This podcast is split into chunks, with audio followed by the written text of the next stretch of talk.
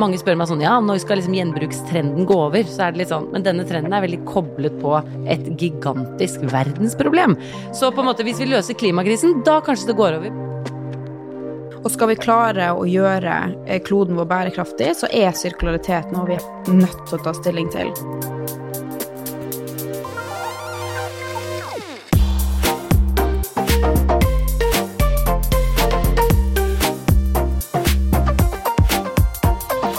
Skal vi lykkes i morgen, må vi ta gode beslutninger i dag.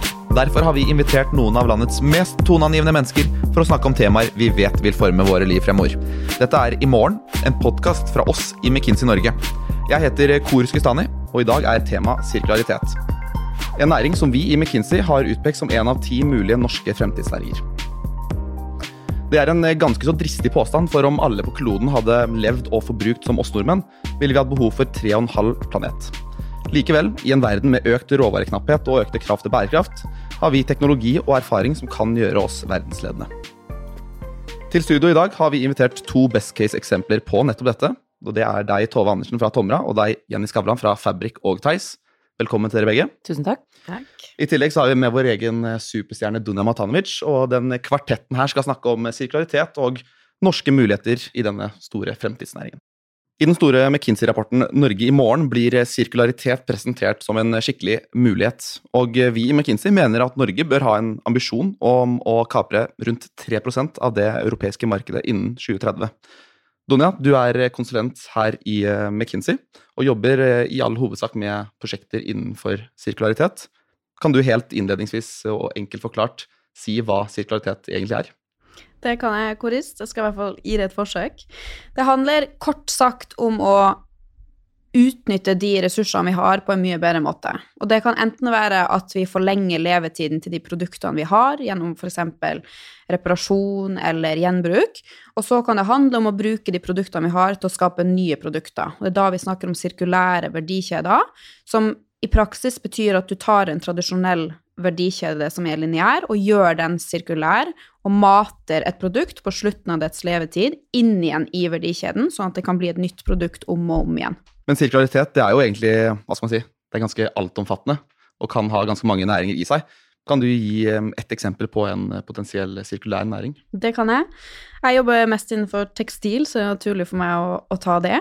Og når vi snakker om sirkularitet innenfor eh, tekstil, så er det jo til de eksemplene jeg viste i sted, så vil f.eks. utleie av eh, plagg være en sirkulær forretningsmodell, eller videre salg og gjenbruk av, av klær. Og så kan det være å ta en f.eks. T-skjorte på slutten av livet, samle den inn sortere den i ulike fibertyper, og så resirkulere den, sånn at du får nye bomullsfibrer eller lignende fibrer, som du da kan mate inn igjen i verdikjeden og skape nye T-skjorter eller hva det måtte være eh, av den samme T-skjorten. Mm. Og som nevnt så har jo vi inkludert denne i vår topp 10-liste for mulighetsnæringer for Norge. Men hvor mye verdi kan det potensielt ligge i en vellykket eh, storsatsing på sirkularitet for oss i Norge? Vi eh, har estimert at vi tror det kan ligge 46 milliarder kroner i økt verdiskapning, altså BNP, for Norge, og 14 000 nye arbeidsplasser innen 2030.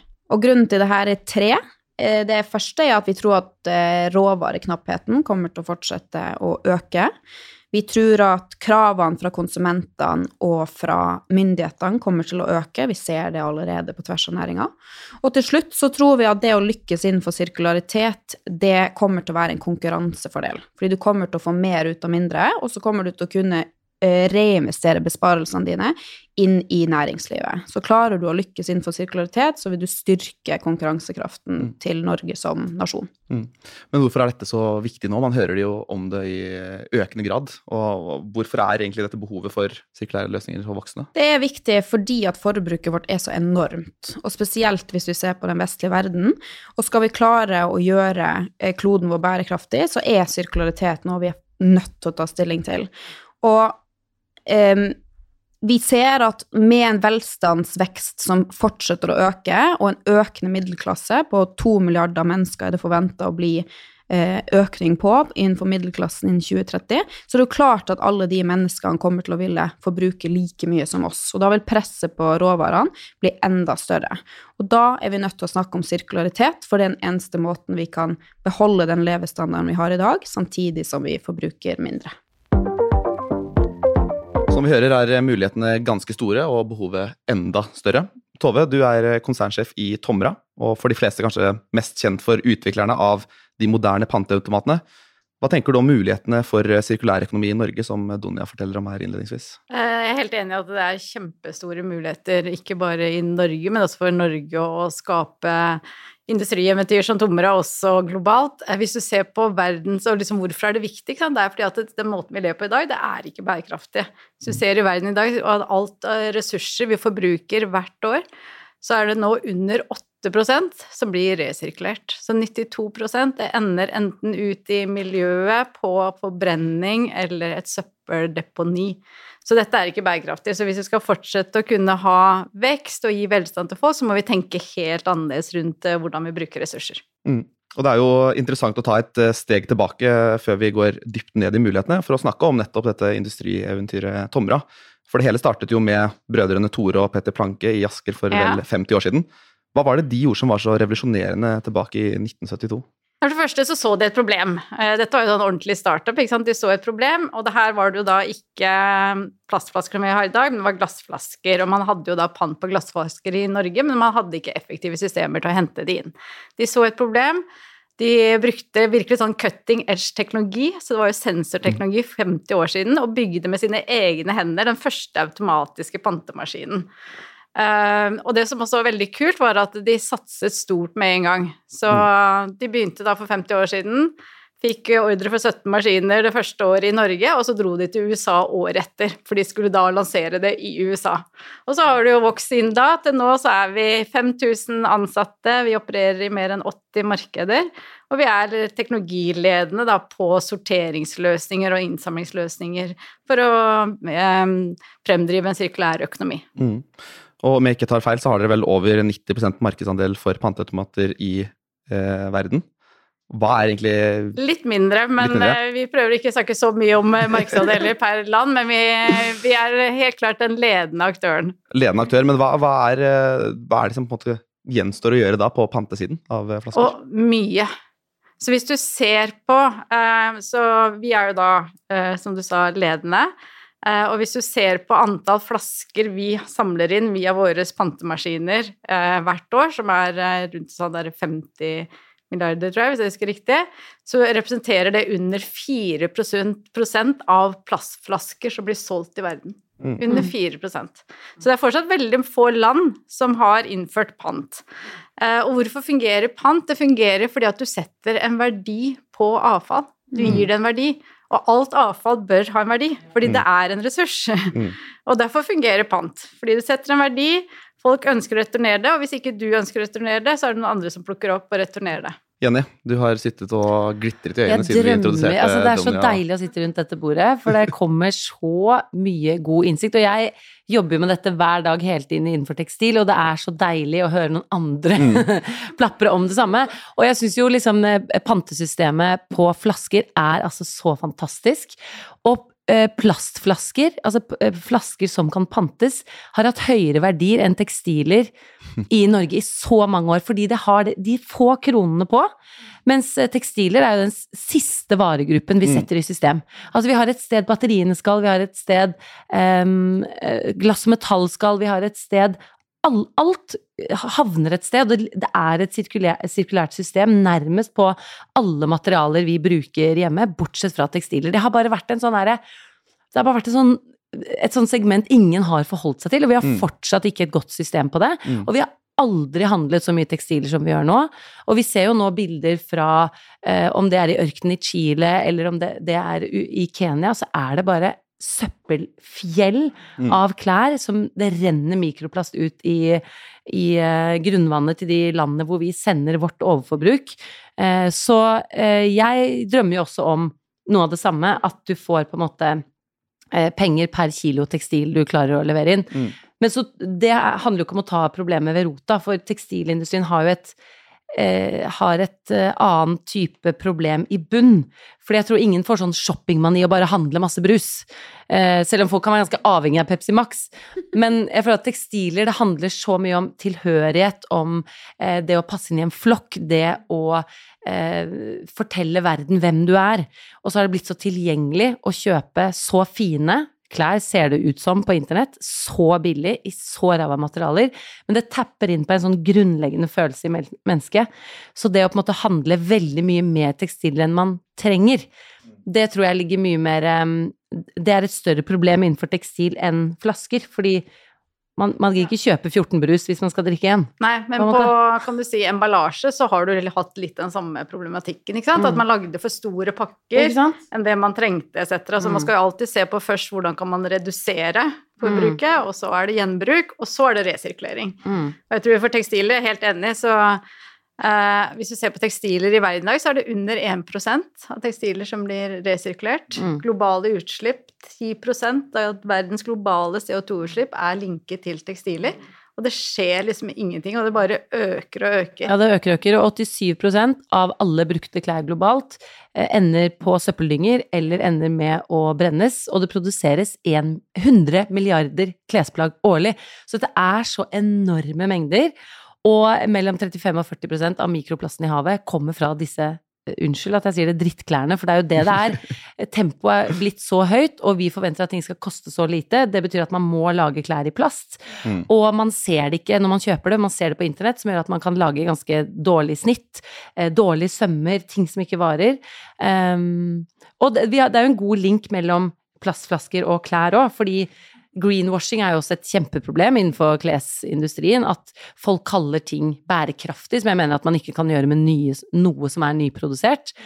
Men man tar plastflasker ut av sitt faktisk sirkulære løp. Plastflaskene har jo, har jo sirkularitet, så er det dumt å ta ut en plastflaske og så lage et plastplagg av flasker, og så dør kretsløpet der. Og det er Og det, det som jeg- er ja.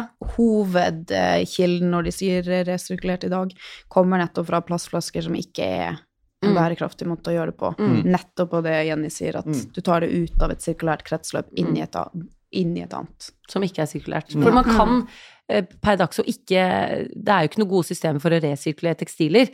Og de jobber med det. Finland har noen gode maskiner for det. Og det er litt sånn som du, når du forklarer liksom starten på Tomra, så er, jobbes det nå med maskiner som skal på en måte samle inn alt avfallet vårt. Mm. Og sensorer skal da lese om det er polyester, om det er eh, lin, om det er bomull, og så skyte det i ulike hau- hauger, og så lage nytt fiber av det. Men da må vi også ha en industri som står klare for å bruke det nye fiberet til å produsere klær lokalt. Mm. Um, så jeg tror mye av nøkkelen er også at det kommer, som du sier, det kommer til å komme lover og regler, forbrukeren kommer til å stille krav, Uh, og på en måte vi lever i en ustabil verden, så man ser jo at veldig mange flytter produksjonsrekkene sine nærmere og nærmere, Mm. og har lyst til å ha mer kontroll, og har lyst til å produsere uh, så lokalt som mulig. Så jeg tenker at det ligger en enorm mulighet i å faktisk eh, resirkulere alt vårt klesavfall, Mm. også til en tekstilnæring, da. Og nettopp eh, tekstiler som eh, vi blir nevnt i, ganske flittig her nå i podkasten, er gode eksempler på både utfordringene og mulighetene vi ser innenfor sirkularitetsøkonomi, Donja. Hvorfor det? Jeg tror det har blitt tydelig her allerede i dag at det store problemet med tekstil er nettopp avfallet. Vi har ikke noen gode avfallshåndteringer i dag på den skalaen vi trenger at det skal være. Og vi har estimert at i 2020 så var det 7 millioner tonn med tekstilavfall i Europa alene, og det forventer vi at skal vokse til 9 millioner tonn i 2030. Så vi er nødt til å få på plass noen systemer som klarer å håndtere det her avfallet godt, og da snakker vi om effektiv innsamling, og vi snakker om god sortering, for det er viktig å sortere det her på fibernivå, for det er det resirkuleringsteknologien faktisk trenger å vite. Eh, Og vi trenger å skalere resirkuleringsteknologien i seg sjøl for å faktisk få det her opp på, på stor skala. Og så håper jeg det kommer reguleringer som gjør at det, eh, det tallet med avfall ikke vokser. Ja. At det skal bli litt vanskeligere og litt dyrere å kjøre, klikke hjem klær fra Kina, på en måte. For nå er det jo også, hvis man ser på sånn som Shein, da, som er en av de store ultrafast fashion-kjedene Nå har vi på en måte HM og Sara har jo blitt sånne koselige små aktører i forhold til de gigantiske maskineriene vi ser komme fra Kina nå. som bruker liksom TikTok aktivt til å treffe unge mennesker på sitt mest sårbare. Mm. Og du lager deg en profil, og, du, og de markedsfører seg gjennom jenter som virker som deg, eller som er de jentene du ser opp til. Og de bare pumper ut klær. Så liksom, det er jo en veldig kynisk markedsføring som tapper inn på noe veldig sånn grunnleggende i mennesket. Så jeg tenker at eh, jeg skjønner veldig godt at 16-åringer shopper seg grønne på Mm. fast fashion, for det koster lite, og de tenker at her, her finner jeg min plass, og her får jeg liksom aksept i flokken. Og det tror jeg overstyrer alt annet. Det tror jeg overstyrer miljøengasjement for veldig mange og sånn, for det er så grunnleggende. Og så er jo resirkulering én del av løsningen. Det er ikke sånn at vi kan fortsette sånn som vi gjør nå, og så bare resirkulerer vi det, og så går alt bra. Det, vi snakker om det som en siste utvei, at til syvende og sist, når vi har tekstiler og har klær, så kommer det til å ende opp som avfall, uansett om vi har gjenbrukt det eller reparert. På et eller annet tidspunkt kommer det til å bli avfall. Det er da vi snakker om resirkulering. Mm. Men på toppen av det som så fint heter avfallspyramiden, Mm. så har vi nettopp det med å kutte forbruk. Mm. Vi er nødt til å kutte forbruket vårt for å faktisk få til en endring her. Mm. Så kommer det andre under. Mm. Så som vi hører, så er eh, sirkularitet altså veldig bra for både klima, men også for økonomien. Men det innebærer jo litt som du nevner, Donja, med å kutte forbruket, en enorm holdningsendring hos individer og oss som samfunn, om vi skal klare å gå fra lineær til sirkulær økonomi. Tove, dere har jo bidratt til en ganske sterk holdningsendring i, i hele samfunnet. Jeg prøver meg på nytt med en eh, prosentsats. Det for dere har jo fått til at over 90% av flasker i Norge pantes. Det er riktig.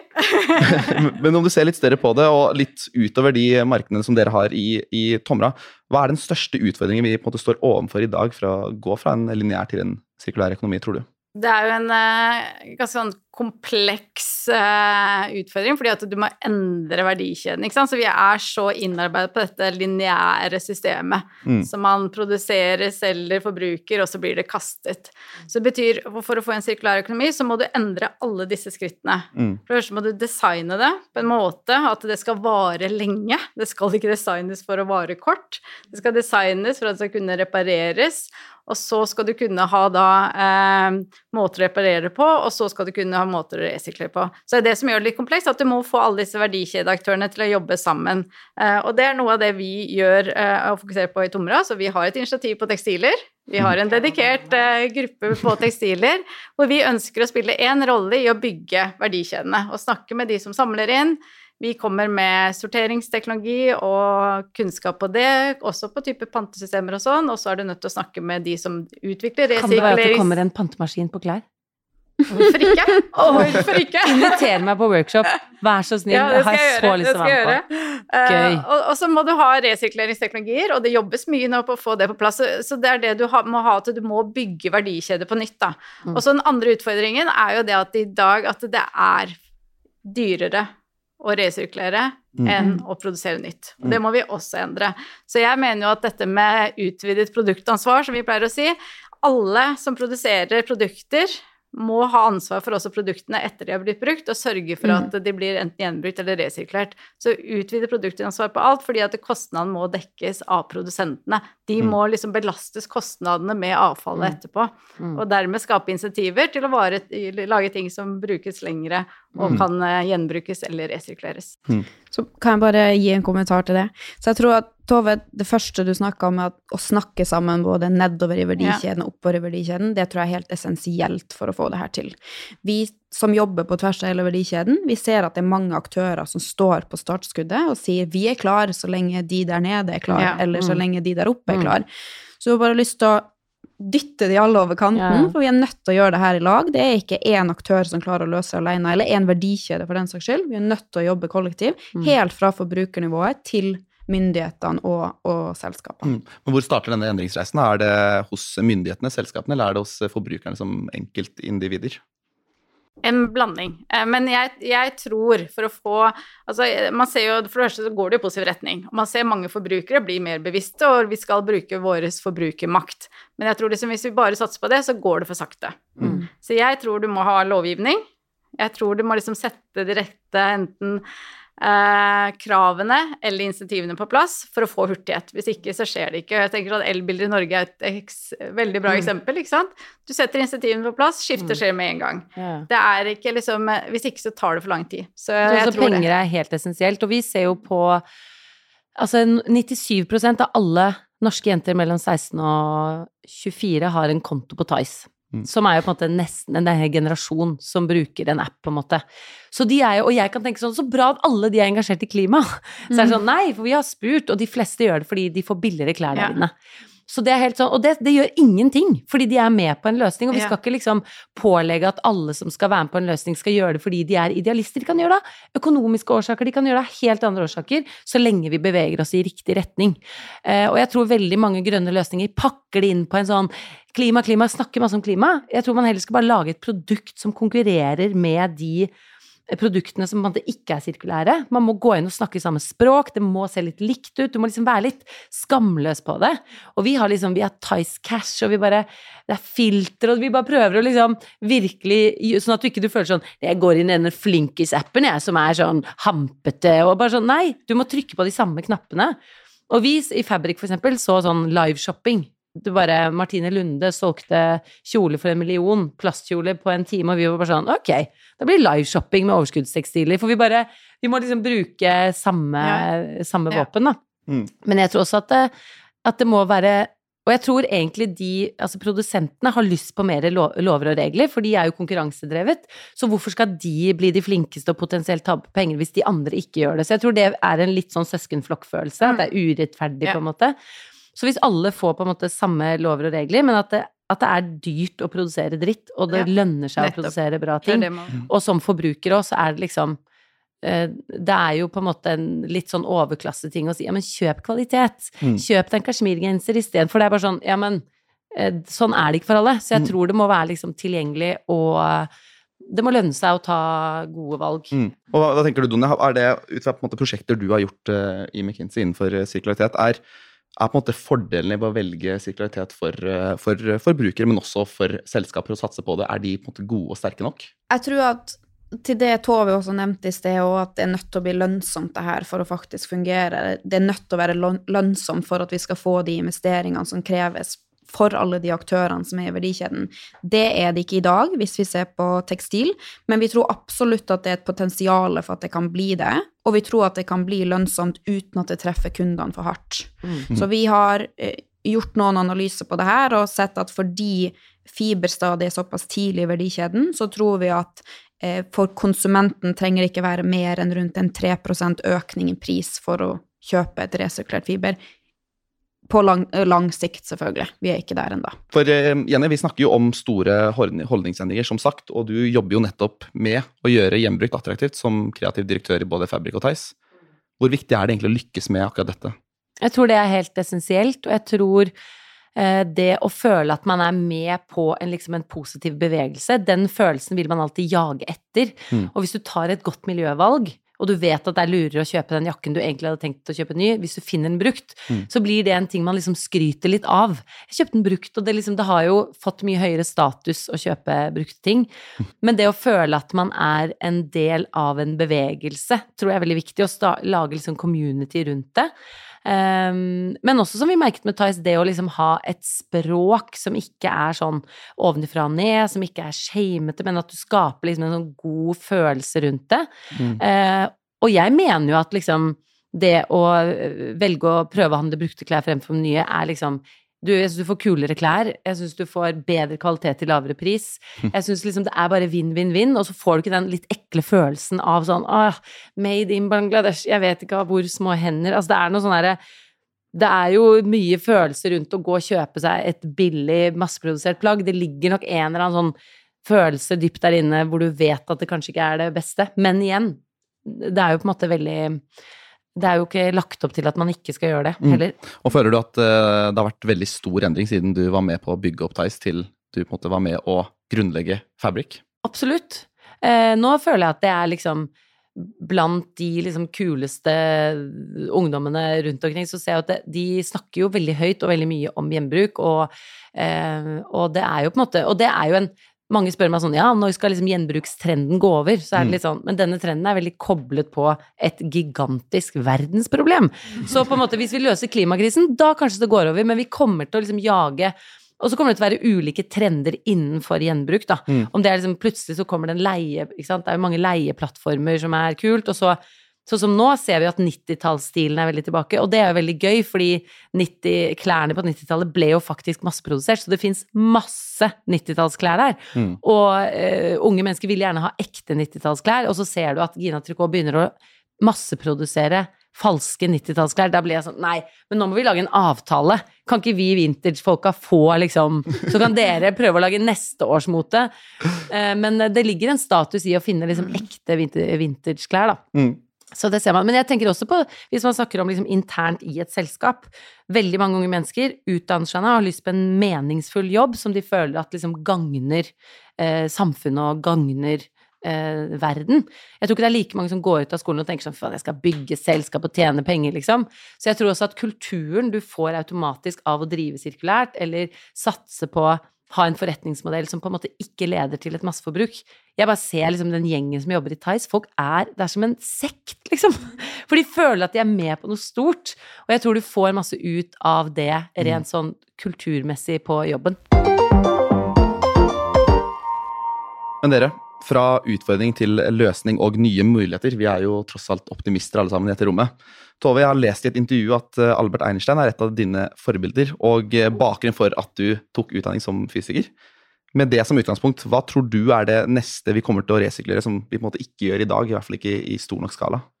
Eh, For det første så er det fortsatt ekstremt mye som gjøres på plast, så man må liksom ikke glemme det. Man kan tro at plast er løst, men plast er ikke løst i det hele tatt. Så ja, PET-plast som er flasker, der er det mye resirkulering, men resten av emballasje er et kjempeproblem. Uh, og det er egentlig mye som kan gjøres med å rulle ut eksisterende teknologi, faktisk. Så der er det bygge verdikjeder, vise hva skal gjøres og rulle ut.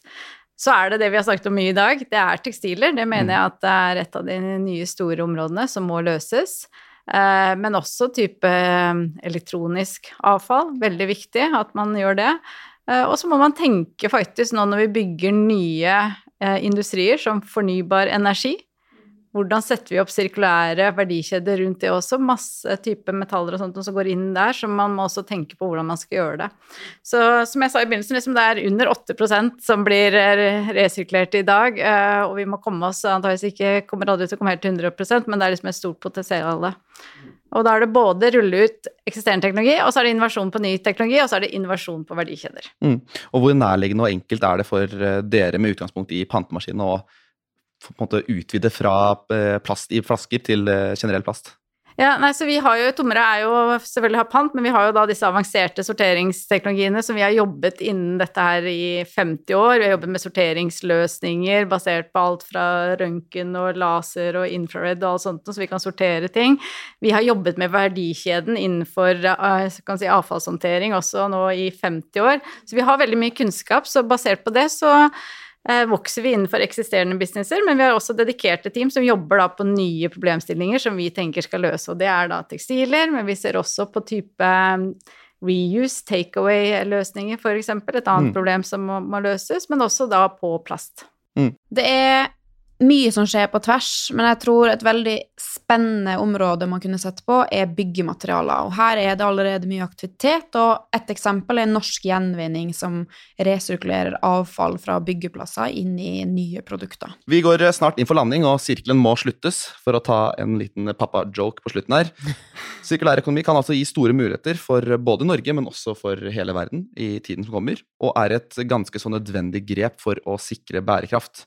Men som vi alltid avslutter vår podkast med, kjære gjester, hva er den ene beslutningen vi må ta i dag for å lykkes med disse målene i morgen? Så den beslutningen vi må ta, er å da implementere utvidet produktansvar for alle typer materialer med målsetninger på innsamling, gjenbruk og resirkulering. Det må lønne seg å både forbruke sirkulært, og det må lønne seg å starte sirkulære selskaper. Det må ligge insentiver i bunn som gjør at det ikke er en stor risiko å Mm. ta for uh, selskaper. Donja, da blir det du som får uh, siste ord av meg her i dag. Hva er den ene tingen vi må gjøre i dag for å styrke Norge sin posisjon i morgen? Da tar jeg meg friheten til å se på den ene tingen fra to ulike vinkler. Jeg tror at fra eh, forbrukerperspektivet så er det helt klart at vi er nødt til å kutte forbruk. Før gjenbruk og før alt annet så er vi nødt til å kutte ned på vårt eget forbruk. Og hvis vi ser på det fra næringslivet og fra myndighetssiden, så, så vil jeg si at samarbeid er helt essensielt for å få det her til. Tusen takk for at dere kom til studio i dag. Tove Andersen, Jenny Skavlan og Dunja Matanovic. Jeg heter Kori Skutani. Takk for at du hørte på i morgen.